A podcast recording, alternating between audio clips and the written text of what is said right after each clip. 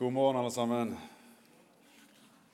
Utrolig gøy å være tilbake igjen hit eh, første søndagen i, på denne høsten. Eh, veldig glad for at jeg får komme igjen og snakke her, tale her. Eh, når jeg ble spurt på vårparten om vi kunne komme tilbake og, og tale, så sa det ikke sikkert vi er her. For som noen av dere vet, så har vi planlagt å, eh, å reise til, flytte til USA. Men som, som veldig mange andre så har planene våre blitt satt på hold pga. denne koronakrisen. Denne her visumprosessen tar veldig lang tid. Så vi har flyttet inn på en leilighet på Nærbø nå. Og jentene våre går på Jærtun, er veldig fornøyd der. Så eh, vi har det godt på alle vis og er veldig glad for at vi kan fortsette være med her nå i høst. Det er en uh, veldig uh, interessant tekst vi skal uh, se på i dag. Det er søndagens tekst fra Matteus 25 om talentene. Eh, og Det er en av de mest kjente lignelsene i, eh, i, i Bibelen.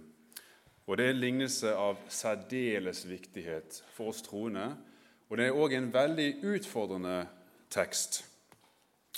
Og Det er òg en tekst som har delvis blitt misforstått. For Tar du fem på gaten i dag og spør de hva de tror er et talent, eller hva de forstår med talent, så vil du få ganske like svar. Du vil sikkert få svar som nevner 'norske talenter' eller 'Britain's Got Talent'. Og I henhold til store norske leksikoner så er, de, eh, så er de helt korrekte, disse fem svarene du får. For Hvis jeg ser på definisjonen til norske leksikoner, så står det 'talent' brukes vanligvis som en persons iboende evner og muligheter til å kunne utvikle ferdigheter innenfor bestemte funksjoner, f.eks. som musiker eller det som gjelder sosiale handlinger, f.eks. som politiker. Det er også kjent som begavelse. Talent avhenger av naturgitte anlegg, som f.eks. intelligens og spesielle ferdigheter, men sannsynligvis også av egenskaper tilgitt i barndom og oppvekst. Viljestyrke og systematisk utvikling og opptrening av de evner og ressurser man har, er også viktig for videre utvikling av talent. Så Som med utallige andre eksempler så har her et bibelsk ord og et bibelsk uttrykk. Det er blitt begynt benyttet i daglig tale. Og så har det fått en ny, delvis ny eller helt ny eller justert eh, overført betydning. Og så bruker man ordet ofte nok, og så begynner man å tolke Skriften nå i lys av den nye betydningen på det ordet igjen. Og så får Skriften en helt ny betydning. Så den originale Skriften eh, får en helt, helt mening, ny mening, og det har ofte skjedd med dagens tekst. Og Dagens definisjon, som veldig mange er vant til å høre, det stammer helt tilbake til 1300-tallet, en tolkning eh, da av Matteus 25. Men som vi skal se i eh, dagens tekst, så har ordet talent, eller det greske ordet talenton, ingenting å gjøre med en persons naturlige egenskaper eller evner og anlegg eh, å gjøre. Talentet var en vektenhet. Eh, det var brukt i Israel, det var brukt i Romerriket på Jesu tid. Og den faktiske vekten på talentet varierte faktisk med hva du, hva du eh, veide. Så et romersk talent det tilsvarer ca. 32 kilo. Et talent sølvmynter i Israel det veide ca. 45 kilo. Og et talent gullmynter veide ca. 91 kilo. Og Dagens tekst i Matteus den kommer for så vidt innom hver enkelt persons egenskap eller forutsetninger, men da er det ikke ordet talent som brukes, men ordet dynamis. Og Dynamisk det refererer til en persons skapnings- eller tings iboende styrke, evne og egenskaper, som vi leste om i, i leksikondefinisjonen. Og I 2011-oversettelsen som vi skal lese fra i dag, så er det dette ordet det er oversatt til evner. Så det er bare viktig at vi har disse definisjonene på plass, så vi forstår teksten riktig. Og så er det også viktig at vi forstår konteksten av teksten. Hvis du bare tar et vers i Bibelen og river det ut, så kan du få de merkeligste åpenbaringer. Så jeg tror det er viktig at vi leser både kapittelet før og kapittelet etter. Vi skal ikke lese hele det, men vi skal gå litt gjennom eh, konteksten. For hva er den umiddelbare konteksten her? Jo, Den begynner i vers 1 i det forrige kapittelet. Jesus kommer ut av tempelet og så blir han møtt av disiplene, som i beundring peker på, på de store, flotte tempelbygningene eh, rundt dem. Og så I resten av det kapittelet, hele kapittelet så legger Jesus ut for disiplene hva skal skje. Han forteller om alt som kan skje bare noen tiår senere. Så vi vet I rundt år 70 så ble hele tempelet og hele Jerusalem ble jevnet med jorden. Jesus forteller litt at dette skal skje. Og så forteller han om det helt i de siste tider, da de troende skal gjennom store trengsler. Han forteller i klare termer hvor vanskelig det skal være for de kristne i de siste tider. Og Så gir han oss også en tidslinje. Ikke en helt klar tidslinje, men han gir oss en tidslinje. Og han refererer til Daniel om hva som skal skje. Så En dag skal himmel og jord få gå, men Jesus understreker at bare Faderen, til og med ikke Sønnen, kjenner dagen og timen. Og Han forteller derfor disiplene at de skal være våkne, for de vet ikke når dagen kommer. Så I vers 37 i kapittel 24 så begynner Jesus å formane disiplene om å våke. Og Han refererer til Noah og flommen, og så beskriver han hvordan folk uvitende levde fra dag til dag og ikke ante at undergangen kom. Og Disse versene leder så inn i kapittel 25 og lignelsen om de ti jomfruene, som er fra vers 1 til 13. De fem uforstandige som ikke tok med olje, og de fem forstandige som tok med olje. Så når, kom, når brudgommen kom, så var det bare fem av de som var klare. Og Denne lignelsen i begynnelsen av 25 veves da sammen i dagens lignelse gjennom vers 13 og 14. Så Disse lignelsene må leses sammen. Og Begge lignelsene har akkurat samme hovedbudskap. Vær klare. Jesus kommer en dag igjen, og han skal dømme verden, så vær klare. Budskapet i lignelsen om de ti jomfruene er at vi skal være våkne og vente på Herren. Vi skal vente på den dagen han kommer igjen. Lignelsen om talentene forklarer oss om hva vi skal gjøre, og hva som forventes av oss mens vi venter. Vi skal altså være våkne og vente i vers 1-13, og i vers 14-30 understrekes at det forventes noe av oss mens vi venter, og at vi skal stå til regnskap for Jesus når han kommer tilbake. Så i resten av kapittel 25, fra vers 31, etter dagens tekst, så beskriver Jesus sin gjenkomst, og han beskriver hele dommen. Da alle verdens folkeslag skal stå foran han, og han skal skille sauene fra geitene og dømme de som ikke er frelst. Ok, Da har vi bakteppet for dagens tekst, så vi kan slå opp i Matteus 25, vers 14-30. Dere som har Bibelen med dere, så håper jeg det kommer på storskjerm òg, kanskje. Nei, det gjør det ikke. Ok. Så jeg håper dere har Bibelen med, og så skal jeg òg lese teksten her. Det er som en mann som skulle dra utenlands. Han kalte til seg tjenerne sine og overlot dem alt han eide. En ga han fem talenter, en annen to og en tredje én talent etter det hver enkelt hadde evne til. Så reiste han. Han som hadde fått fem talenter, gikk straks bort og drev handel med dem og tjente fem til.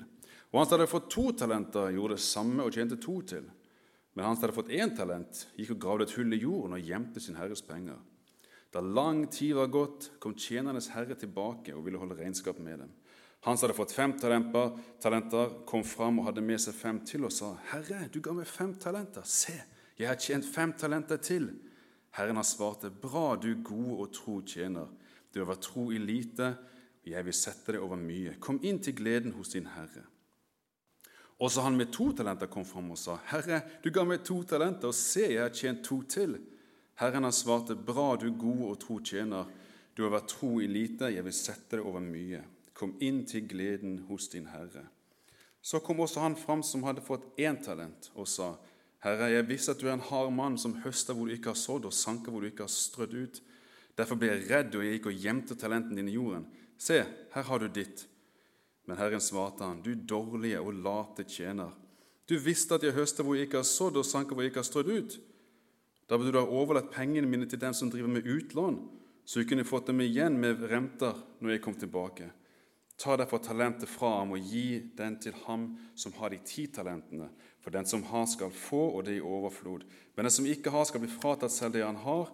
Og kast den unyttige tjeneren ut i mørket utenfor der de gråter og skjærer tenner. Jeg skal bare be før vi fortsetter. Gode Gud, takk for denne eh, utfordrende og viktige teksten du har gitt oss. Jeg ber deg, Gud, om du må bruke denne teksten til å skjerpe oss. Tal til oss i dag. Tal gjennom meg, så vi kan lære det du, som, det du vil lære oss i dag. I ditt navn. Amen. I vers 1 så fortelles om en mann skulle reise utenlands, bort fra sitt eget land. Det var ikke bare en kort businessreise, men et langt opphold fra sine tjenere. Mannen hadde flere tjenere, og han hadde satt disse til å forvelte alt han eide mens han var borte. Han overlot absolutt alt, så det var tydeligvis at han viste stor tillit til disse tjenerne. Han var også tydeligvis en velholden mann. Han hadde tre tjenere og delte ut totalt åtte talenter, eller det som mest sannsynlig var 360 kilo med sølvmynter. Så her er det ikke snakk om en liten, ussel åkerlepp og noen skitne, sløve slaver som løp rundt og feide støv. Nei, det var en stor og flott eiendom med tjenere med all slags egenskaper, og de nytter stor tillit. Og Det er tydelig her at eh, mannen i lignelsen er Jesus. Tjenerne er disiplene hans, alle oss som definerer oss sjøl som Jesu etterfølgere, både da og i dag. Tjenerne er oss, alle vi som sitter her inne i dag. Ja, alle som sier at vi er kristne og sier at vi følger Jesus. Så én tjener altså fikk tildelt fem talenter, én to og én tjener ett talent. Så reiste mannen av gårde. Så får vi beskrevet hva hver enkelt tjener gjør med talentene de har fått tildelt. Eh, han som fikk fem, gikk bort og tjente fem til. Og han som fikk to, gikk bort og tjente to til. Full avkastning hos disse to, altså. Men den tredje, som fikk bare ett talent, han gikk bort og gravde det ned. Og Legg merke til en liten nyans i lignelsen. Mannen overlot hele eiendommen til disse tre. Det vil si, De hadde ikke noe ansvar utenfor det de hadde fått tildelt. Så han sikkert gravde ned det ene talentet, han gjorde absolutt ingenting. Enten gikk rundt og drev dank eller helt andre aktiviteter. Men de to første derimot, de gikk bort og forvaltet og multipliserte det de hadde fått tildelt. Og I disse tre personene så ser vi to typer tjenere. To typer tjenere i tre personer. Den trofaste og arbeidsomme eh, og den upålitelige og late. Men alle disse tre tjenerne identifiserte seg som mannens tjenere. De presenterte seg alle som den rike manns forvaltere, og de bekjente seg alle som mannens tjenere, de to trofaste og flittige så vel som den upålitelige og late. Så hva er mannens eiendom som han overlot dem. Disse åtte talentene som har fått en betydning i, i dagligtalen vår i dag. 360 kilo med sølv som han overlot alt etter tjenerne sine. Så vi vet at mannen som reiser bort, den rike mannen, det er Jesus. Uh, og Det er en lignelse som Jesus som forlater disiplene på, på Oljeberget, og så kommer igjen for å dømme levende døde, som vi får lese i resten av kapittelet. Og Den klassiske forståelsen av eiendom eller talenten er at dette er nådegaver eller andre evner og egenskaper som Gud gir oss eh, for å tjene som en del av Kristi kropp. Og Det er også derfor talent har fått den betydningen det har. Men eh, altså, jeg tror ikke det er noe spesielt gale i denne tolkningen. Og jeg tror absolutt at det er en komponent av mannens eiendom, det som Jesus etterlater seg. Vi har fått nådegaver, og vi, vi har blitt utrustet til å være eh, ha en funksjon på hans legeme. Eh, men det tåkelegger for tekstens egentlige betydning, eh, og det er noe mye mer enn dette. Det er nemlig hele manns eiendom. Og vi forstår mer når vi, ser, når vi kan konkludere med at den tredje tjeneren var en utro tjener. En som aldri hadde hjertet på riktig plass i eh, utgangspunktet. En tjener som Jesus dømmer til evig fortapelse når han kommer igjen. Så eiendelene som den rike mann overlot sin tjenere, de to trofaste og den utro, er derfor noe mye mer enn åndens gaver og utrustning. Det er det mest dyrebare som Jesus etterlot seg da han forlot disiplene. Det det mest dyrebare han etterlot seg, var hans fullbyrdede frelsesverk. Jesu frelsesverk som gis fritt til alle. Det er det glade budskap om nåde og frelse for hver den som tror. Og Det siste Jesus ga disiplene før han ble tatt opp til himmelen, var en tydelig instruksjon på hvordan de skulle forvalte det som han hadde overlatt dem. Nemlig at de skulle gå ut til all verden og gjøre alle folkeslag til disipler. Talenten som ble overgitt til tjenerne, er evangeliet. Og de tre tjenerne forvaltet det på to helt forskjellige måter. Han fordelte eiendommen, det ser vi i teksten, på disse tre tjenerne ut ifra hver enkelts evner eller egenskaper. Vi er skapt forskjellig. Vi er skapt forskjellig etter Guds gode skaperordning og plan, men vi har også andre ulike forutsetninger som resultat av omstendigheter rundt oss. Vi har veldig forskjellige egenskaper. Noen er flinke retorikere, noen er flinke til å skrive og dikte. Andre er dyktige organisatorer, noen er begavede musikere, som vi ser her i dag. Noen er svært intelligente, mens andre har et enklere sinn. Og eh, den intelligente vil kunne forstå mer av informasjonen som blir presentert, enn en, eh, eller en enklere enn en. Og sånn er vi bare. Noen har større forutsetninger for å gjøre mer ut av samme midler enn andre. Og Slik har mennesket vært helt siden Adam og Eva. Så Derfor så tror jeg ikke noe at dette er det som menes med talenter. For det var ikke noe Jesus etterlot oss da han forlot jorden. Uh, vi her i Norge vi har hittil hatt, og har fremdeles vil jeg si, enorme gode forutsetninger for å vokse i troen og å fordype oss i Guds ord. Vi lever i et helt fritt samfunn hvor vi til og med får statsstøtte for å praktisere vår tro. Mens en stakkars frelst sjel i Øst-Ekvatoriet, i Sør-Sudan, der Nadia og, og, meg har vært misjonærer, har kanskje hørt evangeliet én gang og fikk utdelt en sliten salmebok eller et Nytestament av en gjennomreisende evangelist.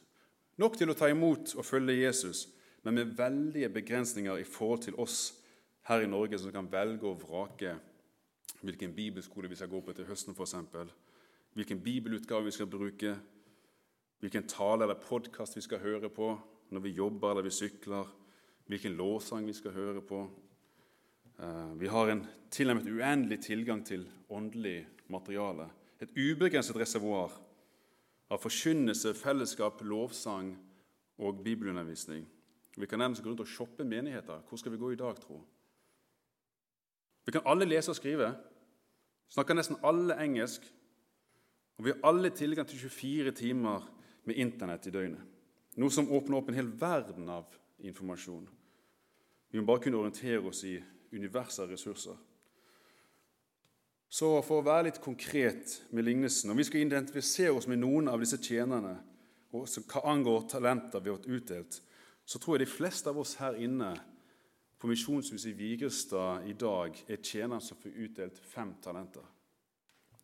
Vår analfabete broder og medtjener i Sør-Sudan, som ikke kan engelsk, med svært begrenset tilgang til kristen undervisning, litteratur og fellesskap, er tjeneren som fikk utdelt ett talent.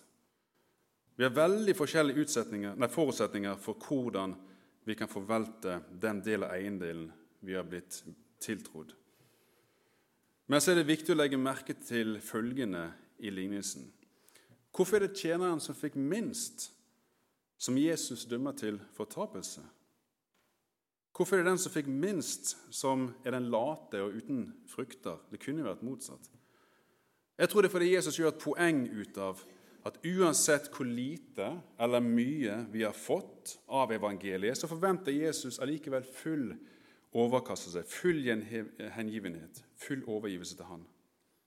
Herrens forventninger til avkastning og trofasthet er den samme, uavhengig av tildelt sum om det er fem eller to eller ett, så forventer Jesus 100% når, skal, når han skal gjøre regnskap med oss.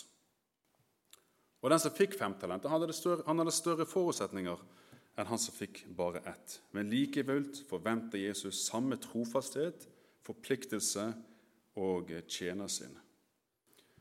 Så Derfor så smerter det meg å konstatere følgende Om dagens kristne i Vesten skulle representere den ene av disse tre tjenerne i lignelsen, så hvem, tror du ville, hvem skulle vi identifisert dem med? Jeg tror det var at oss hadde gått bort og så gravd ned de fem talentene vi har fått tildelt. Og det måtte oss måtte stå til regnskap og forklart hvorfor vi ikke forvaltet våre talent bedre. Det er ganske, ganske hardt å, å, å, si det. Jeg det ganske, når jeg har lest denne, forberedt denne talen, så er det sånn jeg har konkludert. Og Hvorfor sier dette? her? Jo, fordi Kirken i Norge og Vesten for øvrig er i nedadgående spiral med tommere og tommere kirkebygg. I 1985 så svarte 50% av nordmenn at de trodde på Gud. Bare 20% sa i 1985 at de ikke trodde på Gud. I 2013 så var det like mange som trodde på Gud, som de som ikke trodde på Gud. Og I en undersøkelse for et par år siden så svarer nå bare 37% at de tror på Gud. 39 svarer at de ikke tror på Gud, og 23% svarer at de ikke vet om de tror på Gud. De er likegyldige, med andre ord. For første gang så finnes det flere i Norge som ikke tror på Gud, enn de som tror på Gud. Men hvorfor er det slik? Vi har jo religionsfrihet. og Inntil nylig hadde vi til og med statskirke. Og som jeg sa tidligere, alle kirkesamfunn får statsstøtte for hvert eneste medlem. Staten står nesten og deler ut puter under armene for oss, slik at vi kan praktisere vår tro. De beskytter oss hvis vi står i Spikersuppa i Oslo og forsyner evangeliet. hvis noen kommer og forstyrrer oss. Likevel så er det vi færre og færre kristne i Norge. Og denne nedadgående trenden den akselererer. Så jeg kan ikke konkludere med annet enn at vi kristne i Vesten har vært dårlige forvaltning av talentene vi har fått tildelt. Ikke alltid. Vi har gjort et fantastisk arbeid i, i misjon, og, og eh, Vesten som en kristen sivilisasjon er, er, helt fantastisk. Men vi lever i en etterkristen tid. Vi lever i en åndelig tørke i Vesten, og frafallet er enormt. Talentene vi har fått utdelt, går med tap. Så Det er altså ikke antallet talenter i utgangspunktet for tildelt, som avgjør eller beskriver om du er en tro og flittig etterfølger av Jesus. Responsen til de som fikk fem, eller han som fikk fem og han som fikk to, det var akkurat identisk. Bra, du gode og tro tjener. Du har vært tro i lite, jeg vil sette deg over mye. Kom inn til gleden hos din Herre. Så det var ikke størrelsen på rikdommen som avgjorde den enkelte tjeners respons på tilliten eller innsats og trofasthet. Det var hjertet til denne tjeneren. Det kunne like godt vært han som fikk to eller fem talenter, som gikk og gravde dem ned, og tjeneren som fikk ett talent, som var trofast og flittig. Og vår broder i Kristus i Sør-Sudan med sitt ene talent kan være den trofaste tjeneren som multipliserer det lille han har fått. Og faktisk så er det nå i den delen av verden, i Afrika og Asia, som vi ser vekst og vekkelse i dag. Og så en annen viktig ting i, i lignelsen. Legg merke til at også denne late tjeneren identifiserer seg som tjener av den rike mannen. Gå tilbake til vers 1, for dere som har Bibelen åpen foran dere. Vers 1 i kapittel 25. For Her er det en viktig detalj som ikke kommer med når vi bare leser fra vers 14. Skal jeg lese her for dere også. Da kan himmelriket sammenlignes med ti brudepiker som tok oljelampene sine og gikk ut for å møte brudgommen. Og som jeg sa tidligere, så er det vers 13 og 14 som vever sammen disse to lignelsene, siden de har samme budskap. Og Vers 14 begynner slik.: Det er som med en mann som skulle dra utenlands. Med andre ord så er det himmelriket det også her snakkes om. Himmelriket er som en mann som skulle dra utenlands. Så hva menes med himmelriket? I Bibelen så møter vi to forskjellige betydninger av himmelriket. Det ene er det fullkomne og usynlige himmelriket, der hvor Gud Fader, Guds Sønn og Gud Hellige Ånd bor sammen med himmelens engler. Den absolutte herlighet hvor kun de hellige slipper inn, de sanne, frelste menneskesjeler. Her så finnes det ingen synd og ingen lidelse. Det er et absolutt perfekt rike. Og Det er bl.a. dette himmelriket Jesus refererer til i Matteus kapittel 5, vers 20, når han sier ja, jeg sier dere, dersom ikke deres rettferdighet langt overgår de skriftledes og fariseernes, kommer dere aldri inn i himmelriket. Og så har vi en annen betydning av himmelriket. Eh, og det er et synlig himmelrike. Dette himmelriket er her og nå. Det er sennepsfrøet som vokser seg stort til et tre, og det er surdeigen som gjennomsyrer hele deigen, som vi leser om i kapittel 13. Vi eksisterer i dette himmelriket her og nå, og både frelste og ufrelste nyter godene av å være innbyggere i dette riket. Hvis du ser på verden og samfunnet rundt deg, alt godt som vi nyter, friheten som vi har, det at vi bor i et fritt og varmt samfunn der vi tar vare på hverandre, dette himmelriket som har kommet nær, og som har vokst som et sennepstre. Kristendommen har helt siden Jesu oppstandelse bare gjennomsyret verden. Og ingen i verdenshistorien siden Adam og Eva har hatt det bedre enn majoriteten av befolkningen i verden i dag.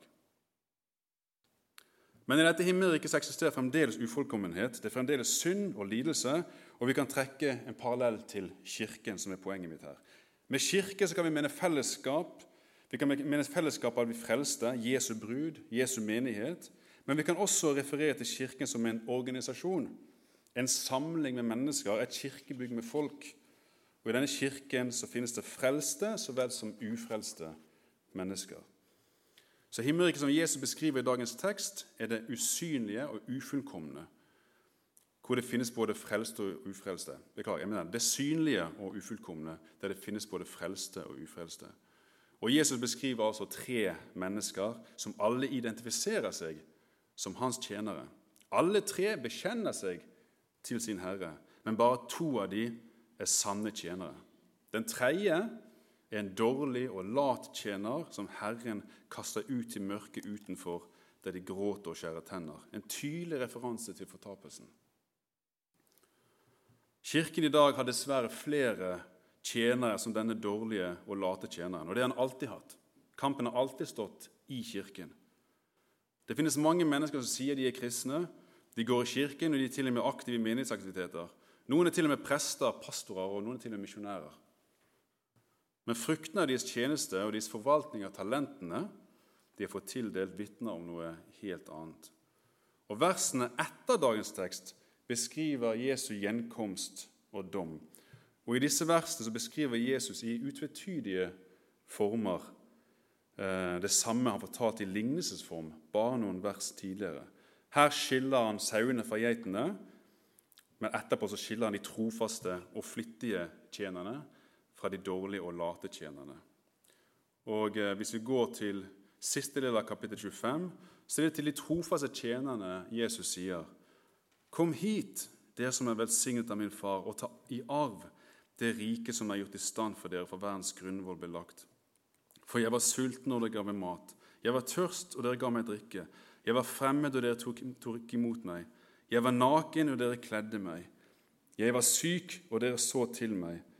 Jeg var i fengsel, og dere besøkte meg.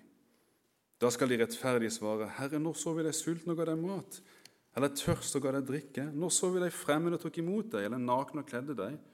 Når så vi deg syk eller i fengsel eller kom til deg? Og kongen skal svare dem, sannelig jeg sier dere, det dere gjorde mot en av disse mine søsken, har dere gjort mot meg. Og så til de dårlige og late tjenerne, så sier han i de følgende vers, gå bort fra meg, det som er forbannet, til den evige ild som er gjort i stand for djevelen og englene hans. For jeg var sulten, og dere ga meg ikke mat, jeg var tørst, og dere ga meg ikke drikke. Jeg var fremmed, og dere tok ikke imot meg. Jeg var naken, og dere kledde meg ikke. Jeg var syk og i fengsel, og dere så ikke til meg. Da skal de svare, Herre, når så vi deg sulten eller tørst eller fremmed eller naken eller syk eller i fengsel uten å komme deg til hjelp? Da skal han svare dem, sannelig sier dere, det dere ikke gjorde mot en av disse minste, har dere heller ikke gjort mot meg. Og disse skal gå bort til evig straff, men de rettferdige til evig liv. Så på dommens dag så trekker Jesus denne røde linjen. Dommen går rett gjennom Kirken. Det er i Kirken i sin jordiske organisatoriske form som her står foran Jesus. Det er Kirken som her består av sauer og geiter, trofaste tjenere og dårlige tjenere, som har blitt stilt opp på høyre og venstre side. Det er derfor dette budskapet i lignelsen om talentene er ytterst viktig og ytterst utfordrende for oss.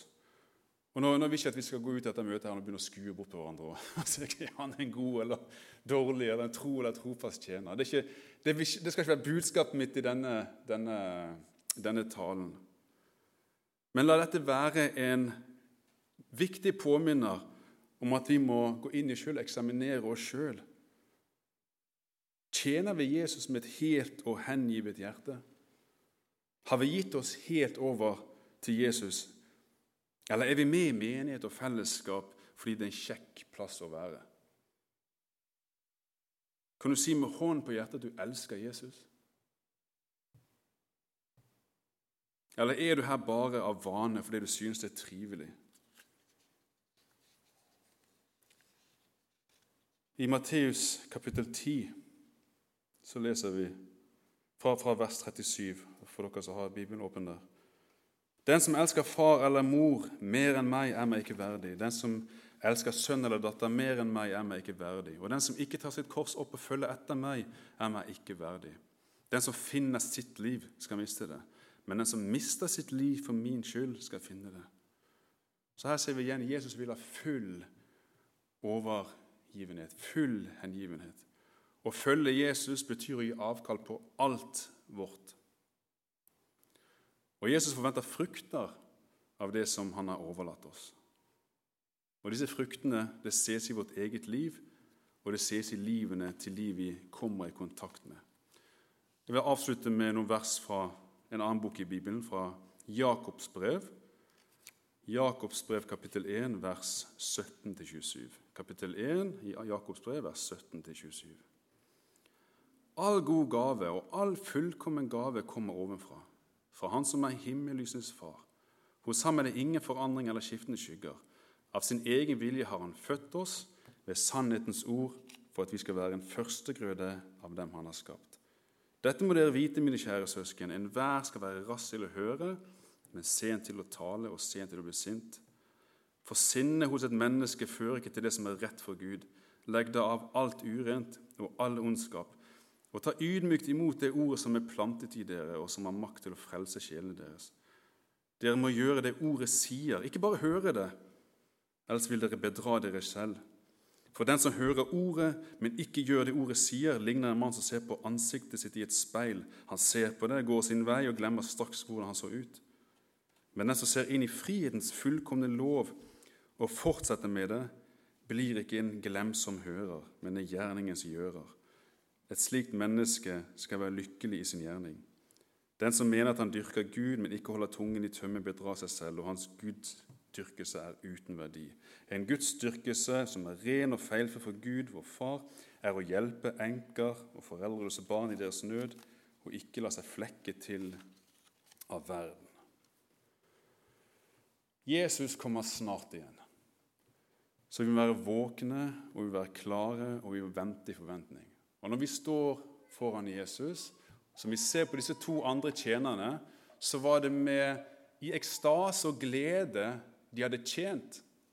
De sa, 'Se, Herre, jeg har tjent fem til.' 'Du ga meg fem, men jeg har tjent fem til.' Det var ikke bare en pliktfølelse.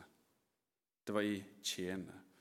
Så mens vi venter på Jesus, så tjener vi med et gledesfylt, helt og trofast hjerte, skal vi be. Gode Gud, vi priser deg. Vi takker deg, Gud, for alt som er godt. Alt som vi nyter som er godt, det kommer fra deg. Takk for evangeliet, Gud. Takk at du sendte din sønn Jesus for å komme hit, dø for oss og stå opp igjen, så vi helt av nåde skal få være sammen med deg og alle frelste i all evighet og i all herlighet. Gode Gud, hjelp oss å ransake oss sjøl så vi kan tjene deg med et helt hjerte. Så vi kan vandre på den smale sti, så vi kan fullbyrde løpet og få, få seierskransen. Og ikke bli for, forstyrret og revet med i alt i verden.